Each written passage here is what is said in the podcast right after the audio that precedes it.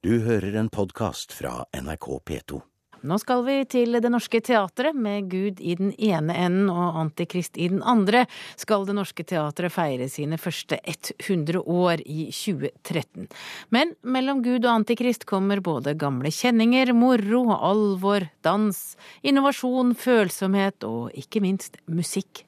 Da de ansatte ved Det Norske Teatret skulle velge ett stykke fra de siste årene som de hadde lyst til å sette opp i reprise i jubileumsåret, ble det fort klart at det måtte være Bikubesong av Frode Grytten, bygget på tekstene og musikken til The Smiths, sunget av Hans Rønningen, som du hører her.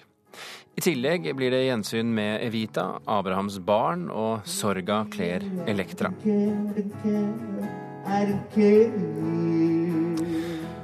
I 1963 skrev Tarjei Vesaas 50-åringens prolog.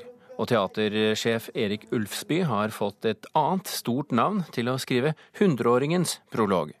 Det er en stor glede da å kunne si at prologen til 100-årsjubileet er skrevet. Den er skrevet av Jon Fosse, selvfølgelig, vår store samtidige dramatiker. Og den vil bli fremført første gang 2.1.1913, om kun kort tid. Og intet jubileumsår, selvsagt, uten skyhøye kunstneriske ambisjoner. Og noe av det vanskeligste teatret skal sette opp, er en seks timers forestilling over Bibelen. Der den kanskje største utfordringen går til Bjørn Sundquist. Han skal spille selveste Gud.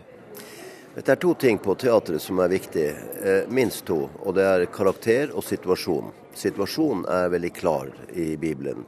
Karakteren derimot har jeg litt vanskeligheter med akkurat nå. For det er ikke et menneske, det er et vesen eller en kraft.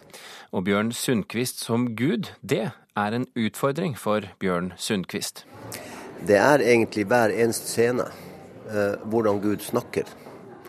Han, eh, hvordan han eh, er på scenen.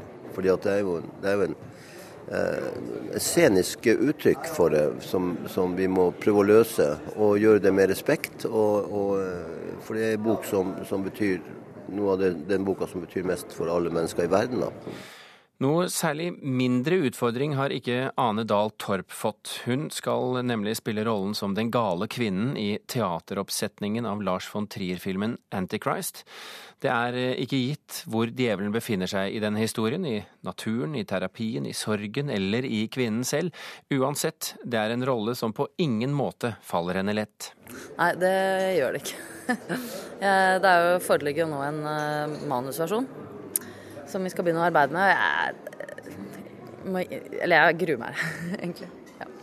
Hvorfor det?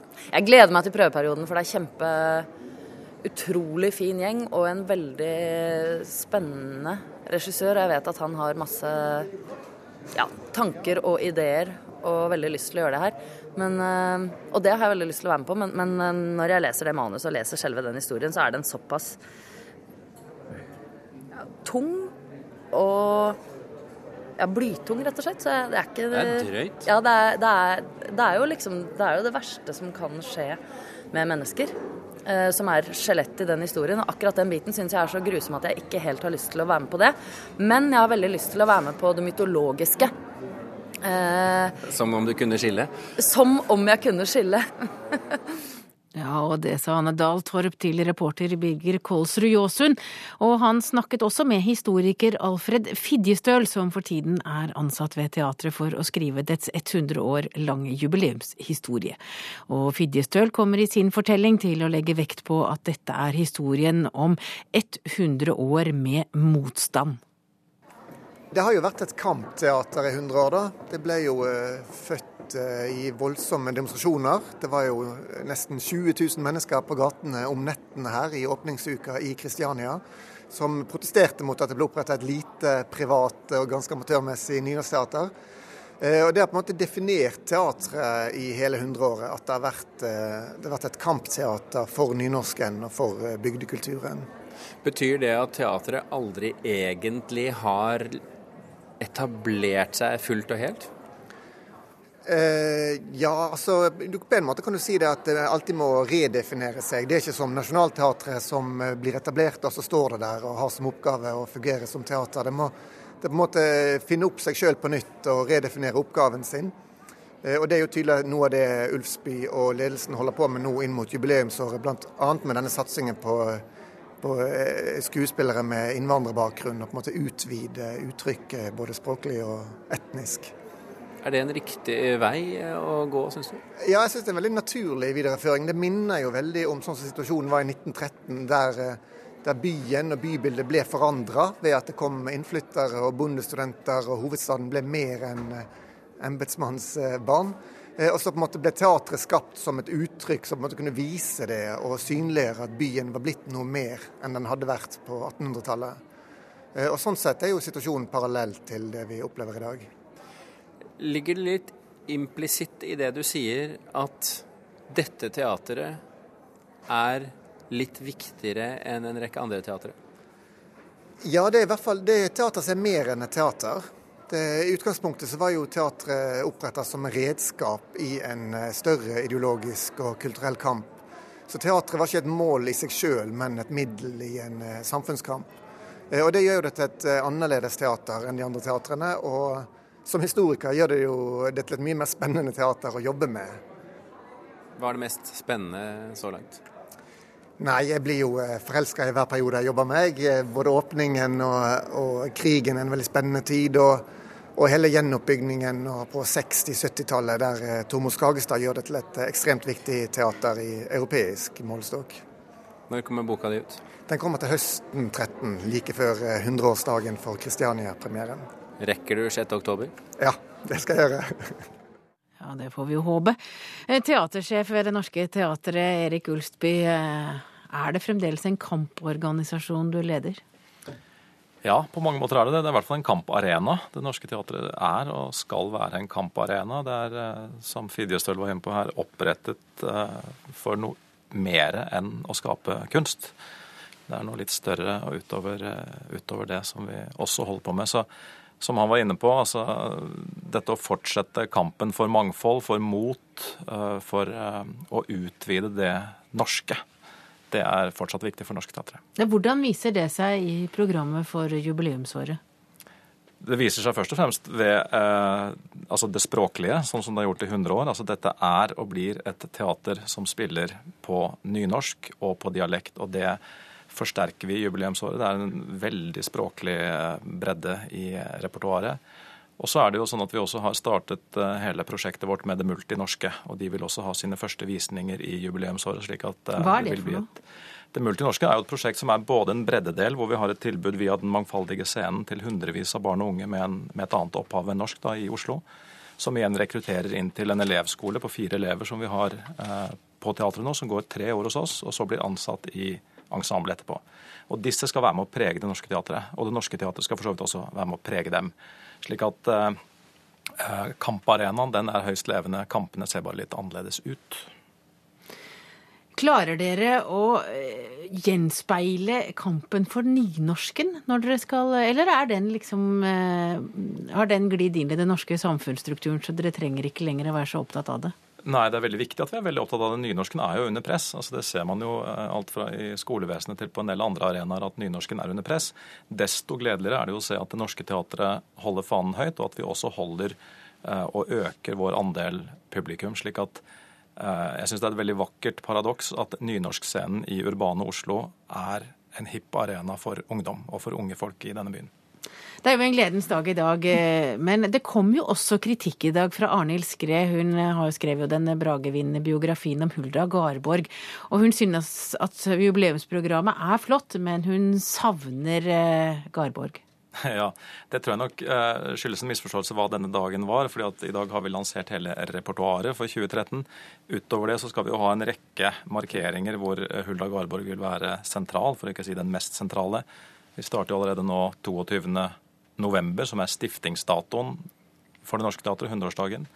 Der vil Hulda Garborg være sentral. Så kommer det en rekke markeringer utover i året. Så Hulda Garborg vil bli behørig markert i 2013 på Norske Teatret. Ja, så Det er altså ikke noe som er forsømt. Men du har også samarbeidsprosjekter med teatret i utlandet. Hva er det? Ja, har, altså jeg synes det er viktig, altså vi samarbeider i Norge med Riksteatret med de to andre nynorske teaterne Hordaland og Sogn og Fjordane. Men jeg syns også det er viktig å markere at Det Norske Teatret er et teater som ser utover, og som er nysgjerrig på sceneuttrykk uh, andre steder. Så Det multinorske er nå ett aspekt av det. Så samarbeider vi det var det du konkret spurte om, med et nederlandsk teater, Tonellmakerei Amsterdam, om en forestilling i regi av Jonas Corell Petersen, som gjorde vår bejublede Werther. Eh, som er et ungdomsprosjekt innenfor den paraplyorganisasjonen som heter ETC, European Theatre Convention, så vi er medlemmer av. sånn at Vi er opptatt av og nysgjerrig på hva som foregår ute, og vi er nysgjerrig på å vise oss fram ute. Så vi skal også reise ut med forestillinger og vise dem eh, andre steder i andre land. Det blir stor feiring, det blir fest i gata utenfor teatret med Bondens marked, musikk, teater. Har du bestilt eh, fint vær? Ja, jeg var veldig nysgjerrig nå 6. oktober i år på åssen det var, så jeg snoka litt rundt i gata. Og hvordan var det da? Det, det, fungerte veldig fint, men den meteorologiske biten av det har vi jo ikke kontroll på. Men alt annet tror jeg vi skal klare. Takk til deg, Erik Ulfsby. Takk for at du kom til Kulturnytt. Og så har vi fått med oss Agnes Moxnes, du er kulturkommentator her i NRK. Er 100 år nok for Det Norske Teatret? Nei, 100 år er ikke nok for Det Norske Teatret. Hvorfor det? Nei, det er jo et veldig vitalt og morsomt og levende teater. Det er, altså Erik Ulfsby ble jo ansatt for det er vel to år siden nå, 2011. Og i fjor så fikk teatret fire av åtte Hedda-priser, altså de gjeveste prisene som deles ut i norsk teater. Så det er både kvalitativt og, og når det gjelder publikumstilstrømning, svært, en svært vital hundreåring. Hva syns du om jubileumsprogrammet?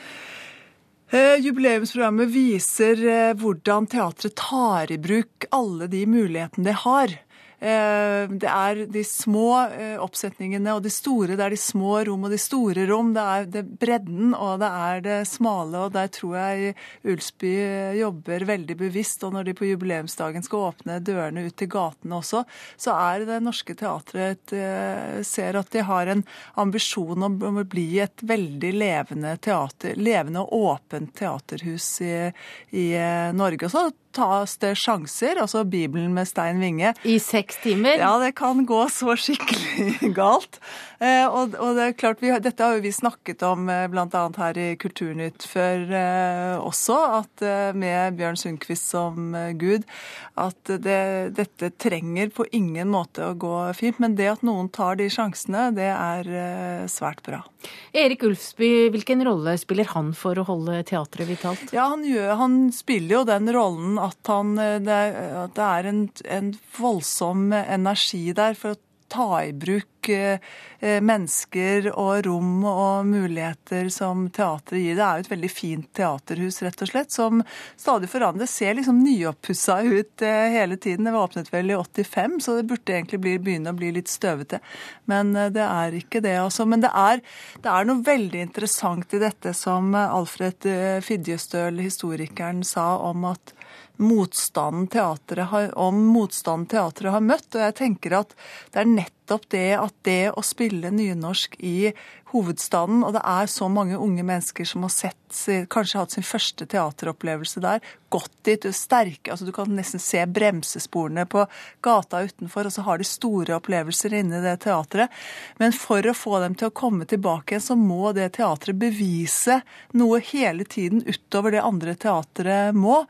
Og det er et veldig interessant altså Det har vært mye diskusjon det siste året om, om, kunstens frihet og teaterets frihet.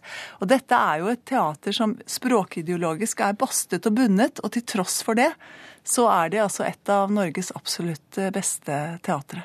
Men hvilken rolle spiller det for nynorsk? Og det er selvfølgelig veldig veldig viktig for nynorsken. De har jo Jon Fosse som nå hentes inn for å skrive eh, monologen, er det det heter, til, til jubileet i høst. Samtidig så har de jo en, en eh, Olaug Nilsen, strålende forfatter og dramatiker, og nå dramatiseres jo også da Maria Parr eh, med Glitterdalens Tonje Glitter, Glimmerdal, ja.